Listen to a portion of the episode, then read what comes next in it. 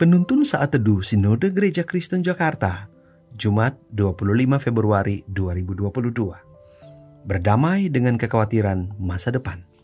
Matius 6 ayat 34. Sebab itu, janganlah kamu khawatir akan hari besok, karena hari besok mempunyai kesusahannya sendiri. Kesusahan sehari cukuplah untuk sehari. Casey Newton adalah seorang gadis yang memiliki rasa ingin tahu yang kuat tentang masa depan. Suatu kali Casey dan rekannya Frank Walker menemukan sebuah benda mirip bola yang dapat diputar maju dan mundur. Jika bola ini diputar maju satu kali, maka mereka akan melihat keadaan dunia 100 tahun yang akan datang. Saat mereka memutar bola sebanyak lima kali putaran, mereka akan melihat keadaan dunia 500 tahun yang akan datang. Ternyata situasi dan keadaan bumi 500 tahun yang akan datang sangat mengenaskan dan menakutkan. Mereka tak sanggup untuk menyaksikannya. Saudara, itu adalah salah satu scene dalam film Tomorrowland. Tuhan Yesus telah mengingatkan murid-muridnya agar jangan mau dikuasai oleh kekhawatiran hari esok. Ketika kita memikul semua kekhawatiran masa depan di hari ini, kita akan merasa bahwa hidup ini terlalu berat untuk dijalani. Kita berusaha untuk membayangkan semua masa yang akan datang dalam satu masa yang disebut hari ini.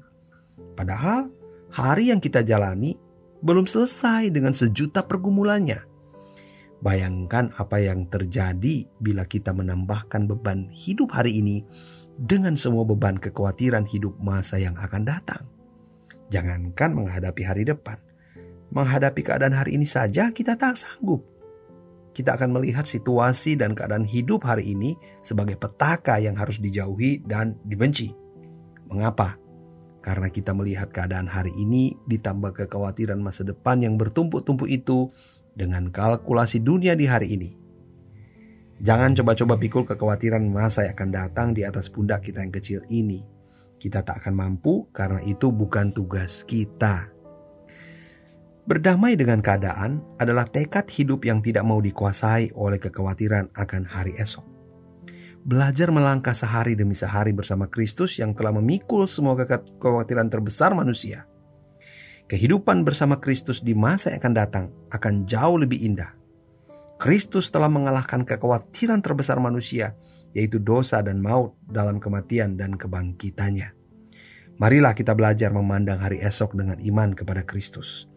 Iman bukan tentang mengetahui apa yang akan terjadi di masa depan, tetapi tentang siapa yang memegang hari esok.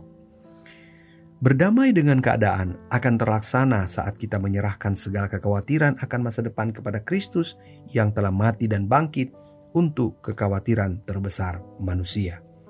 Tuhan Yesus memberkati.